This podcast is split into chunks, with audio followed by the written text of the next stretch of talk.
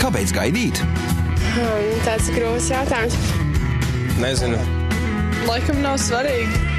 Es nezinu. Nu, Nu, ja jau tā ir mana vienīgā. Raidījums Kāpēc gaidīt?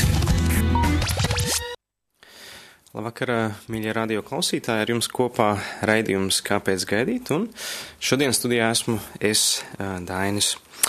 Um, šodien vēlētos runāt par, ā, varētu teikt, diezgan aktuālu, varētu teikt, par skandalozu tēmu, kas ir saistīta ar grāmatu Viņš un viņa mīlestība attiecības seks. Um, šodien es vēlos runāt vai izteikt savus pārdomas par uh, visu, kas saistīts šo grāmatu, gan par tās atra, atrodamā informāciju par attiecībām, jo paš, pats kopš 2006. gada esmu lasījis lekcijas par šo tēmu attiecības, intīmas attiecības, gan pirms laulībām, gan pēc, un arī esmu garīdznieks gandrīz septiņus gadus.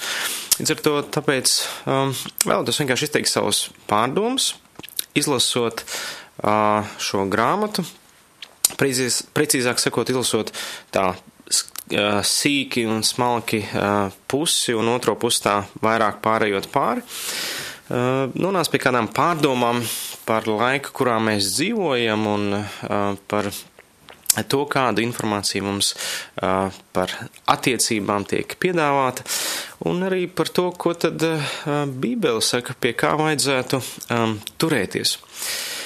Pirmkārt, vēlos izteikt cieņu attiecībā uz šīs grāmatas, viņš un viņa mīlestība attiecības seks autoru, par viņa ieguldījumu arī Latvijas tautas labā un, un tiešām runām, kas savā laikā ir bijusi par lielu iedvesmu mums kā tautai un valstī pieņemt kādus svarīgus lēmumus. Un, protams, arī viņa personība un autoritāte ir nenolīdzama. Un personīgi arī man nav ne tuvu tik daudz ne pieredzes, ne attiecībās, ne arī teoloģijā, jā, lai, lai varētu būt pat cienīgs izvērtēt. Un tāpēc es arī nedošu kādu grāmatas analīzi vai, vai autoru analīzi, bet izteikšu savus pārdomus kā kā garīdznieks, kā um, šīs tēmas, attiecību tēmas arī viens no pārstāvjiem kristīgajā pasaulē un arī vienkārši kā, kā kristietis. Um, un es zinu, kad, kad par šo tēmu daudzi masu mēdī šobrīd lauž šķēpus, un, diemžēl, bieži vien tādā vienā virzienā, um, tad ir, ir labi par šo lietu runāt. Mums ir demokrātija, un es domāju, ka tas tikai palīdz mums vairāk nest lietas gaismām pārdomāt. Tātad šī grāmata ir nākusi klajā laikā, jeb iznākusi publicēta, kad tiešām ir problēmas mums attiecībās, problēmas arī ar garīgumu mūsu valstī, un tas parāda, ka šai grāmatai ir pieprasījums, jo tēma ir tomēr aktuāla. Viņš un viņa mīlestība, attiecības, seks, un tas vienmēr būs aktuāli, bet vēl jo vairāk, ja tas tiek rakstīts arī ar tādu nu, garīgu autoritātes pieskaņu. Tāpēc ļoti svarīgi saprast, vai šī informācija, kas ir šajā grāmatā, nu, vai viņi ir tādu, ko vajadzētu tiešām ļoti ņemt vērā, vai tās ir kāda analīze, vai tas to tomēr ir kaut kas ļoti, ļoti bīstams. Tātad Mēs dzīvojam laikā, kurā ir apmēram 50% no Latvijā noslēgtiem laulībām šķirās. Tas nozīmē, ka cilvēki nu, vai nu nenopietni, vai nemāk veidot attiecības. Tajā laikā arī ir tik ļoti dažādi garīgi virzieni, reliģiskas organizācijas, kas piedāvā dažādu veidu informāciju, kā ticēt savus skaidrojumus par ticību, par Dievu un dažādi priekšstati par Dievu. Un, un kristīgs viedoklis, kristīga teologa viedoklis parasti ir tāds, kurš Bībeli ņem par autoritāti un no tās izrietot skaidro Dievu un arī vispārējās lietas. Tā vismaz ir bijis līdz šim. Taču arī vairāk, vairāk parodās cilvēki ar nosaukumu teologs, kas tomēr, kuriem Bībele vairs nav kā autoritātes, ar kuras prizmu visu izskatīt, bet kā noliek vienu blakus citām arī garīgām grāmatām un e, mēģina e, skatīties no tādas visu ietverošās e, skatījuma punkta, jau respektīvi salīdzinot ar pārējiem un tad pastīties, kas tad īsti strādā. Ne, un, un ar to no šādas perspektīvas arī autors ir rakstījis šo grāmatu, nekā to darītu cilvēks, kam Bībele ir autoritāte, bet vairāk tāds, kam ir, un arī autors pats atzīst, viņš lieto šo integrālo teoriju, uh, ka viņš skatās uz lietām, uh, nu, teiksim tā, visietveroši. Un līdz ar to tas drīzāk ir cilvēka nevis teologa manā skatījumā un, un garīdznieka viedoklis un rakstīts materiāls, bet drīzāk filozofa, eh, jo ir eh, meklēta gudrība, eh, dažādas atziņas saliktas kopā un mēģināts meklēt tajā. Mistiķa, jo ir ļoti daudz citēti mistiķi, kristīgi mistiķi, tātad mistika nozīmē neskaidrs, tāds mistisks, eh, kā mēs bieži lietot uz tādu, eh, nu, nedaudz pat slepenu, nesaprotamu informāciju, un arī varētu teikt, nu, psihoterapeits, tātad filozofs, mistiķis, psihoterapeits būtu precīzāk, nu, teiksim, raksturot šīs grāmatas autora attieksmi, rakstot par attiecībām. Un līdz ar to tāpēc arī cilvēkam, kristietim, kuram Bībele ir autoritāte, viņam nevajadzētu šo grāmatu skatīties kā kristieša, garīdznieka, kristīga teologa rakstīt grāmatu, jo pieeja nav tāda. Pieeja ir kā filozofam, mistiķim un psihoterapeitam. Tātad tas ir tas, kāds man radās secinājums, izlasot uh, šo grāmatu, jeb lasot šo grāmatu jau diezgan no pirmajām lapām. Um, un, un līdz ar to tātad, tas, tas tam jābūt skaidrs. Tātad drīzāk tur nav tradicionālais skatījums, uh, kā kristietis, kuram Bībele autoritāte, uh, uz, uz šo informāciju patiecībām un seksu, bet vairāk no filozofiska, misticiskā un, uh, varētu teikt, tāda psihoterapeitiskā skatījuma. Um, tātad Mēs zinām, ka pastāv, varētu teikt, divi tādi virzieni ir konservatīvā teoloģija un liberālā teoloģija. Un, un mēs redzam, ka tomēr, neskatoties, cik konservatīva baznīca ir mācījusi par šīm lietām, problēmas arī ticīgo cilvēku starpā uh, ir, Un, un ar to rodas automāts jautājums, vai bibliskā mācība nu, vispār kā tāda ir, ir, ir nu, teiksim tā, derīga, ja jau neatšķirās, piemēram, Amerikā, kas sevi nu, ir definējis pirms, pirms kāda laika par kristīgu uh, valsti, uh, kad šķiršanās skaits starp kristiešiem un nekristiešiem ir principā vienāds. Tātad pietiekams šķiršanās gan vienā, gan otrā. Līdz ar to tiešām normāls jautājums, vai tiešām Bībelē norādītā vēsts strādā, vai viņa palīdz uzturēt uh, attiecības. Un līdz ar to ir uh, rodas vēlme meklēt uh, palīdzību kaut kur citur. Tad ar Bībeli vien nepietiek. Uh, protams, mēs varam mēģināt tā skatīties, bet vienmēr jāizvērtē, vai cilvēki, uh, kas sev sauc par kristiešiem, tiešām dzīvo saskaņā ar Bībeles vēstu un tā kā Dievs to ir atklājis ar svētiem rakstiem un ar to spēku, ko Dievs piedāvā, vai tomēr tur ir bijusi, varētu teikt, tāda liekulīga ticība, liekulīga kristietība, kur prātā ir viens, bet sirdī ir cits, tad tur vajadzētu diferencēt par kāda uh, tipa uh, cilvēkiem uh, ir, ir un kur, kāda kristiešu aprindās tā nav strādājis Bībeles kā vēsts. Tātad konservatīvā teoloģija tātad skatās Bībeli kā autoritāti un, un skaidro tātad intīmas attiecības ir paredzētas tikai laulībā starp vīrieti un sievieti, jeb kas, kas ir ārpus ir grēks. Jeb, respektīvi, nav dievam paredzēts priekš cilvēku. Liberālās teoloģija, tātad liberāls nozīmē brīvs, tātad es interpretēju lietas, kas rakstīts tā, kā man liekas, vai nu izējot no savas uh, vēlmes, iegribas, um, vai arī vienkārši kultūras. Un tādā veidā es uh, to svētajos rakstos ielikto pamatu uh, veidoju tā, kā uh, man liekas, kā vajadzētu. Un te vajadzētu tomēr atgādināt par tādu lietu kā ētikas protonormas, kas ir nemainīgas vērtības, ko ir Dievs ielicis cilvēcē, sabiedrībā, līdzīgi kā fizikas likumi. Tāpat ir garīgi likumi, kas ielikt attiecībās starp Dievu un cilvēkiem, kurus mainot jūg visa kārtība. Tad, tad ir lietas, kas var mainīties saistībā ar kultūru, piemēram, kā ģērbties pirmā laika draudzē vai kā ģērbties tagad, bet ir lietas, kuras mainīt nedrīkst, un tās ir atklātas svētajos uh, rakstos.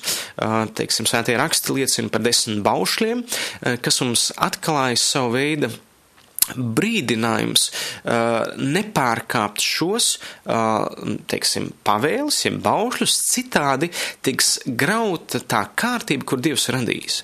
Tad varētu teikt runa par garīgiem likumiem. Nu, piemēram, mēs to varētu salīdzināt, kad tuvojamies uh, kādai klints malai, un tur ir zīme tālāk iet nedrīkst.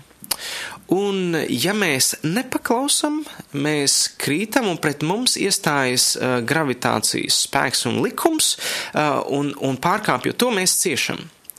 Tātad uh, Dievs ieliekot kārtību, viņš deva konkrētas pavēles, lai šis garīgais likums uh, tiktu ievērots jo to pārkāpjot, mēs garīgi cietīsim, līdzīgi kā mēs fiziski ciešam pārkāpjot fizisku likumu.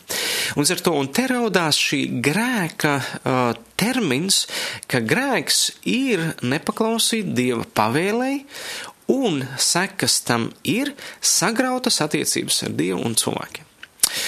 Izlasot šo grāmatu, grēka šis jēdziens ir izzudis, viņš vairs nav norādīts, tā viņš vairāk parādīts filozofiskā, un līdz ar to liberālās teoloģijas ideja ir, ir nu, teiksim tā, nu, pieņemsim, li, li, liberāli neņem rakstus ar tādu nopietnību, bet pārvērš viņu simbolos, idejās, domās. Piemēram, Krusta nāve, Jēzus krusta nāve ir drīzāk kā pašupurēšanās paraugs, bet nevis reāla samaksa par grēku. Vai arī, kad liberāli teologi daudz uzskata, kad, kad Jēzus nav dievs, bet tikai bijis labs cilvēks vai skolotājs. Vai, piemēram, liberālā teoloģija redz Bībeli kā teikas un leģendas bez garīgās realitātes un brīnumiem, jo tie visi ir tikai tādi subjektīvi pārdzīvojumi un, un, un atziņas cilvēkus. Piemēram, viens no tādiem uh, liberāliem teologiem, varētu teikt, vai mācītājiem ir bijis Andrejs, Andrievs Niedra uh, aizvadītajā gadsimta sākumā, uh, kurš rakstīja arī, ka reliģiskās patiesības no loģikas viedokļa nav noskaidrojumi, bet reliģija ir iekšējās sajūtas, ja vērtības spriedums sfēra.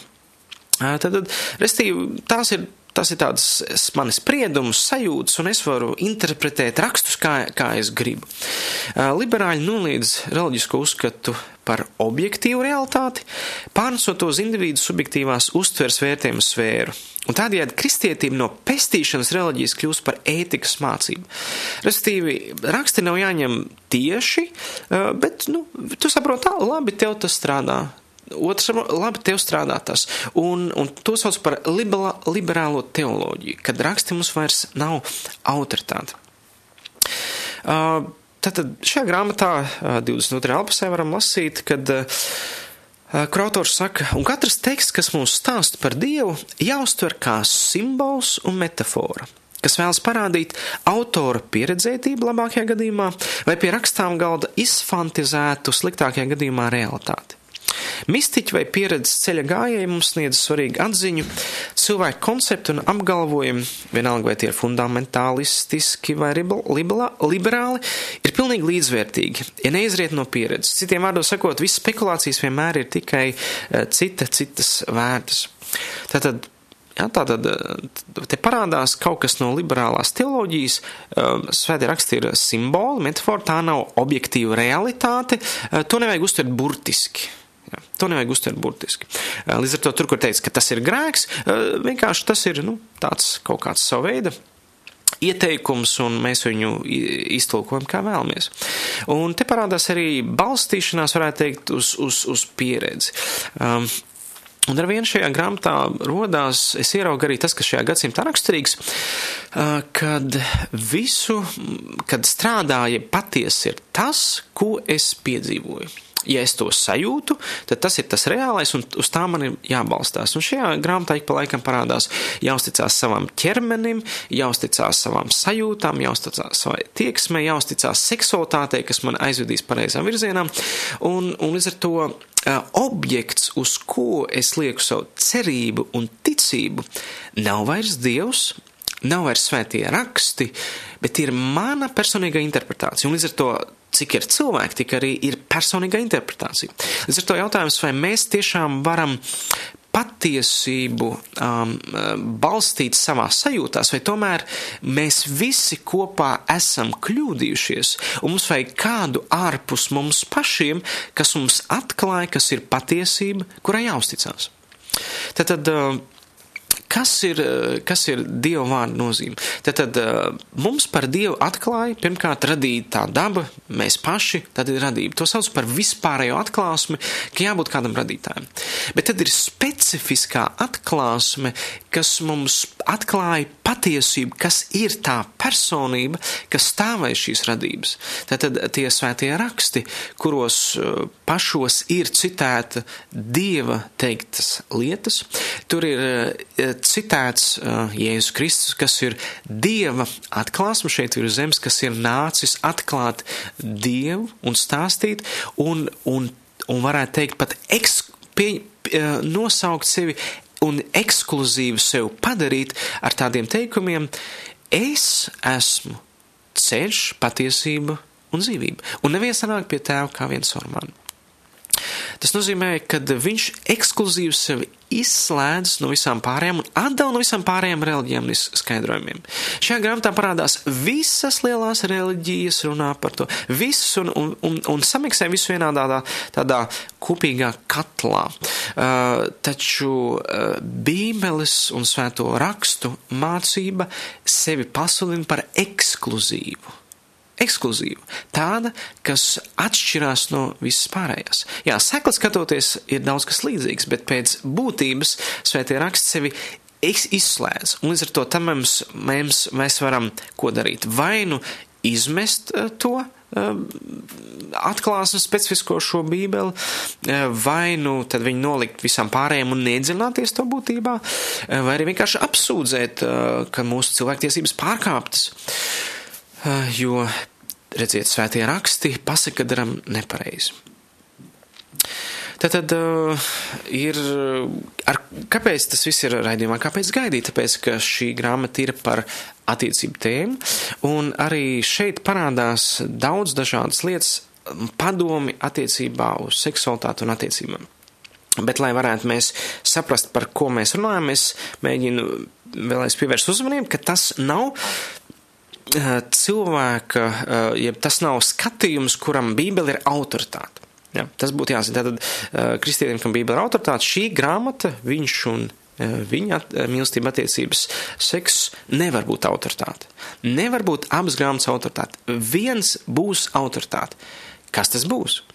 Vai tie būs svētie raksti, vai tā būs šī grāmata? Um, tad, ja mēs ejam varbūt tā nedaudz, nedaudz sīkāk. Kāds varbūt varētu teikt, ka nu, kad šāda domāšana, kādu es tagad pārstāvu, ka Bībele ir taisnība un pārējās grāmatas ir jāsalīdzina ar Bībeli, ir tāda kastīša domāšana aprobežota, jo grib skatīties tikai Bībelē. Tas, par ko es runāju, kad Bībele nav cilvēku inspirēta, eh, bet tā ir dieva gara inspirēta uz cilvēku, kurš piedzīvojot šo inspirāciju ir, ir rakstījis, pierakstījis, atklājis. Un, un, un līdz mums ir nonācis svēto rakstu kopums, ko mēs eh, varam eh, saprast, ka tas nav cilvēka rakstīts. Jo cilvēki, kas to rakstījuši, paši tur ir parādīti kā grēcinieki, kā sliktie, piemēram, Dāvids. Tur parādās grēka nožēla, tur visu laiku iet cauri, ka cilvēks ir apsūdzēts un patiesībā ir minēts kā melis. Piemēram, 116. psalmā teiks, ka visi cilvēki ir meļi. Līdz ar to cilvēkam kā tādam uzticēties nevar, to saka svētie raksti. Un, un Bībeles raksta autori to visu laiku apstiprina. Piemēram, Pāvils saka, ka visi ir grēkojuši, tā skaitā arī Pāvils, un visiem trūks dievišķās godības. Tas nozīmē, ka mēs neviens nevaram paļauties ne uz savām sajūtām, pat ne uz savu uh, pieredzi. Uz to jābūt ļoti, ļoti uzmanīgiem, uh, kaut kādā veidā teikt, šī ir patiesība, jo es to piedzīvoju. Um, Un skaidrs, ka šī, šī grāmata arī ir, ir ar austrumu meditācijas pieskaņu, jo nu, arī autors saka, ka meditācija ir galvenais mūžīgās filozofijas instruments. Vai arī, lai mācītos sevi iepazīt un satikt, nepieciešams klusums un vērība. Tas vēlreiz apliecina, cik nozīmīgi mūsu garīgā izaugsmē un attiecībās ir meditācija. Uh, tad uh, Gribētu ilsīt kādu, kādu fragmentu no, no grāmatas, ko ir izdevis Lutherisma mantojuma fonds, starp, starp citu, kur arī pārstāv šis, šīs grāmatas autors. Kāpēc gan ticēt Dievam, ko es rakstījis Timotijs Kellers, ko sauc par 21. gadsimta kristīgo domātāju, ne filozofu, ne mistiķi, bet tiešām domātāju, kuram Bībele ir autoritāte. Viņš nosauks par 21. gadsimta Klaifu, Klaifu Steplu Luisu.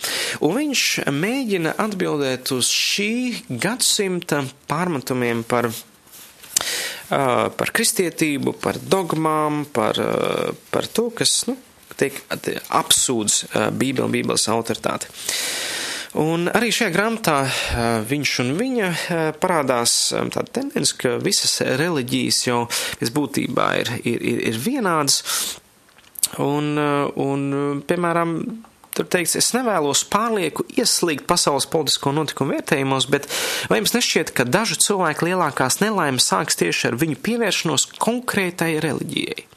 Piemēram, kamēr tu vēl biji laicīgs un negrīgs cilvēks, tev prātā neienāca doma, ka savas pārliecības dēļ varētu sākt no sirds ienīst citu domājošos vai viņus pat ar prieku nogalināt.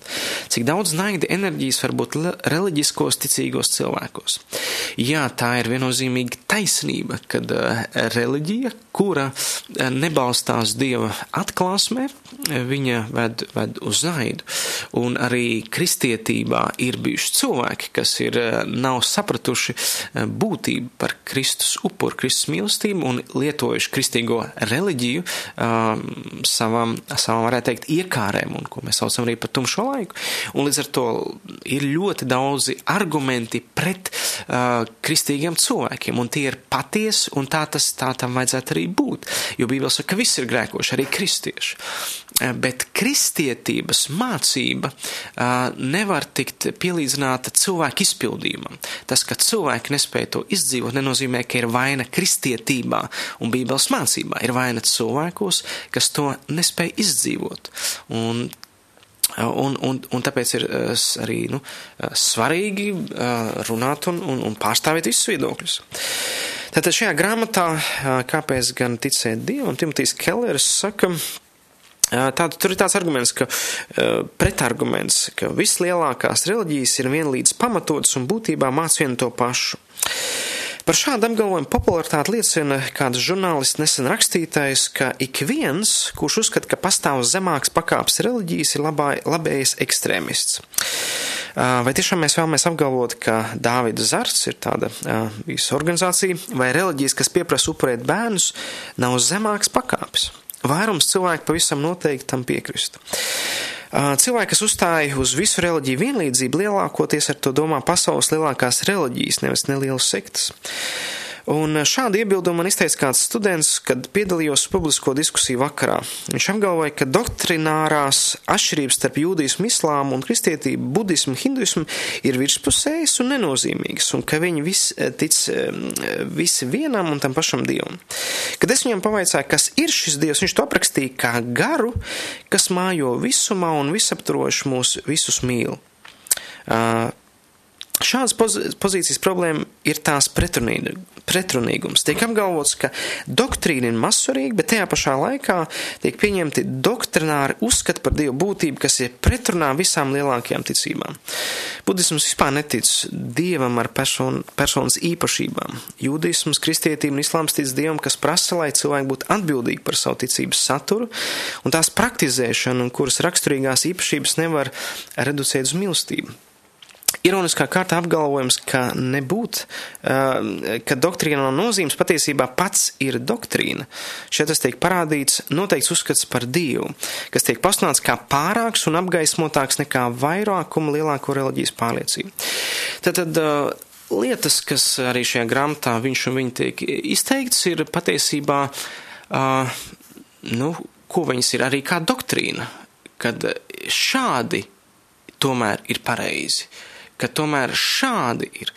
Un, un līdz ar to tik un tā tad ir jāizdara izvēle, eh, kā, kā mēs noslēgšos, eh, vai to tai doktrīnam, kas parādās šajā.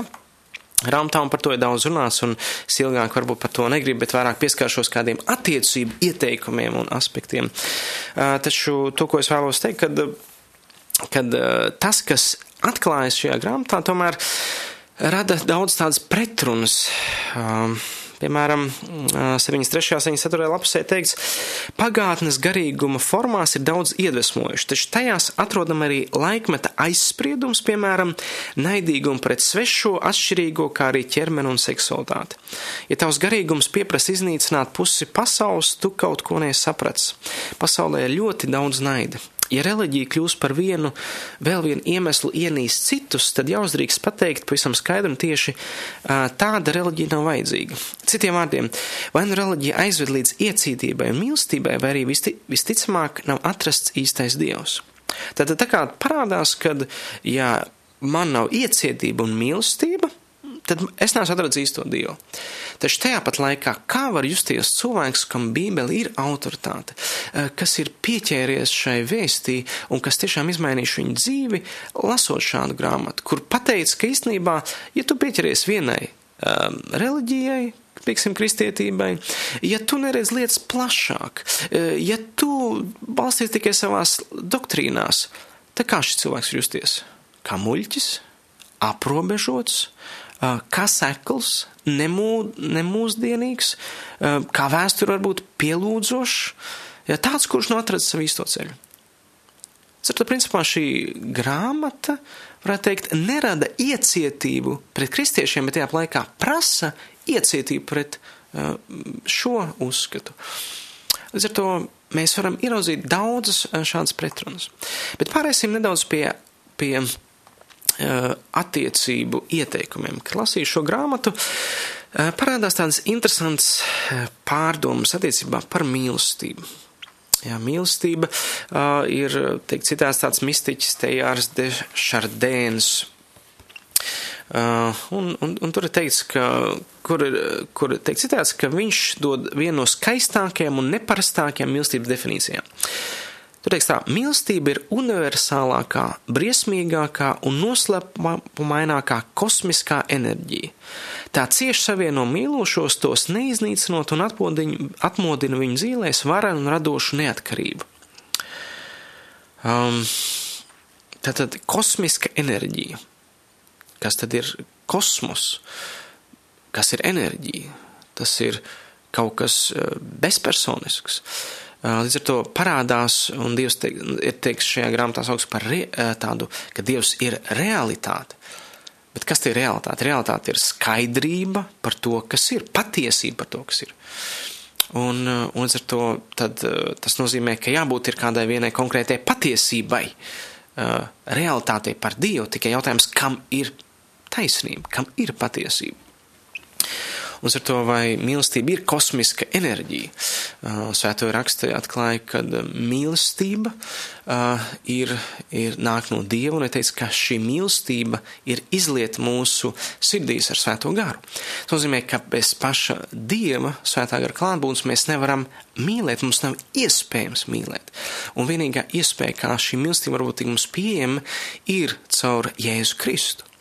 Šajā grāmatā parādās, ka mīlestību var iegūt meklējot to daudzās vietās, bet pirmkārt sevi iedziļinoties sevi un atklājot to sevi. Kamēr Bībele saka, ka to sevī neatradīs. Sevī iedziļinoties var atrast tikai tādas lietas, kas iznāk no cilvēka sirds, kā jau es teicu, laulības pārkāpšana, mankārība, egoisms. Ar to mīlestība ir mūsu trūkums, mums tās nav. Un tāpēc mums vajag tiešām grāmatas, kas runā par mīlestību. Bet vai viņa atnes mīlestību, vai tomēr viņa atnes savu veidu vienaldzību pret grēku, savā veidā atnes neiecietību pret patiesību, kas stāv svētajos rakstos. Līdz ar to mīlestība, kas nerunā patiesību, kādu atklāja uh, Dievs, tā vairs nav mīlestība. Tā ir maldināšana. Uh, Arī šajā grāmatā izlasot, es ieraugu um, nu, tādu tendenci, uh, var, varbūt pat nedaudz par tādu sievietes dievišķošanu, kur ir aicinājums mācīties no eģiptiešu dievietes nutes. Piemēram, 96. lapas pusē teikts, dzīvību dodošajai nutai izrādās ir kāda saikne ar nāvi. Viņa paņem mūsu dzīvi atpakaļ, sagrāv mūs, lai atjaunotu un pāradītu. Nuta ir dzimšanas un nāves svētā sargātāja, aizbildne noslēpumainās transformācijas durvis, dzīves absolūtās nepārtrauktības zīme, to var mācīties tai tikai uzticēties. Um, ja, tad, tad uh, ir aicinājums uzticēties nutai, Eģiptes dievietei, kas neeksistē pēc svēto rakstu idejas, ka nav tādas. Tā ir cilvēka skatījums uz dievu radīto pasauli bez dieva palīdzības. Tad, respektīvi, Dievs grib man iedot brilles, pateicoties svētiem rakstiem un svētiem garam, kas iemājot cilvēkā pēc tam, ka viņš apzinās, ka ir grēcinieks, viņam vajadzīgs Dievs, kuru caur Jēzu Kristu var piedzīvot savā dzīvē, ja nav šādas brilles, ko Dievs pats iedod, mēs skatīsimies uz lietām uh, akli. Mēs skatīsimies uz lietām ar, uh, ar savu uh, skatījumu, ar savu nepilnību. Uh, un līdz ar to ir arī visa šī grāmata ir, manā skatījumā, cilvēciski spriedumi, uh, garīgas uh, pārdomas, uh, idejas gan par attiecībām, un ne biblisks piedāvājums attiecību veidošanā. Un, diemžēl, šodien man neizdosies runāt par to, ko tad Bībele piedāvā mūsu attiecību risinājumos, attiecībās, intīmās attiecībās, mīlestībā, bet tas būs vienā no nākamajiem raidījumiem, kur runāšu par tēmu vīra pienākums pret sievu un sievas pienākums pret vīru. Ko tad tas nozīmē? Gan intīmās attiecībās, gan praktiskajā dzīvē, gan emocionālajā dzīvē. Un līdz ar to mans noslēguma doma ir šī grāmata nav paredzēta kristiešiem. Eh, viņa nepārstāv biblisko vēsti, bet citē daudz bībeli, eh, bet tomēr ne ar skatījumu, ka bībeli ir autoritāte. Un līdz ar to man personīgi kā kristietim šī grāmata likās sarežģīta, nepraktiska, ļoti daudzām tomēr interesantām domām, bet kopumā man pietiek ar Bībeli, man pietiek ar to, ko viņi man atklāja, un redzot savās attiecībās ar savu sievu, mm, man neprasās pēc šās grāmatas. Jo tur Bībele tomēr runā par sievietes spēku, skaistumu, salmu pamācībās 31, par, par vīra un sievas attiecībām, mīlestību, piemēram, augstajā dziesmā, par cieņu, pret, pret svētumu un laulību, par grēku, kas, par seksuālām attiecībām, kas nes svētību un kas nenes svētību. Bet, ja tos mēs visu tā nonivelējam uz daram tā, kā mums pieredze rāda, mēs pazaudējam to, ko Dievs gribēs mums teikt par mīlestību, par viņu un viņu, par attiecībām un par seksu. Ar to šis bija raidījums, kāpēc gaidīt. Es ceru, ka jūs uh, sapratāt uh, manu skatījumu un uh, esat iecietīgi pret to. Uh, bet es kā kristietis iesaku šo grāmatu lasīt. Ir bībele, kurā lasiet, lūdziet, lai Dievs jums atklāja un balstiet savu paļaujumu uz Dievu, uz lūgšanu, lūdziet par attiecībām, problēmām, arī par seksuālām lietām. Un, un, eh, un tiešām mums, kā mācītājiem, ir jābūt atvērtākiem runāt par šiem jautājumiem. Mums jābūt vairāk atvērtākiem runāt par seksualitāti, jo tā ir vajadzība. Un ja mēs nedosim veselīgu Bībeles skatījumu par seksuālām attiecībām, par mīlestību, tad mēs to meklēsim psihoterapijā, filozofijā, mistikā un, diemžēl, samaisīsim visu kopā. Šis bija raidījums, kāpēc gaidīt. Ar jums bija kopā Dainis. Labvakar! Šis bija raidījums, kāpēc gaidīt. Klausies to katru otrdienu, pulksten 18,5 minūtēs Latvijas kristīgā radio ēterā vai arī jebkurā tevērtā laikā internetā www.īsta mīlestība gaida LV.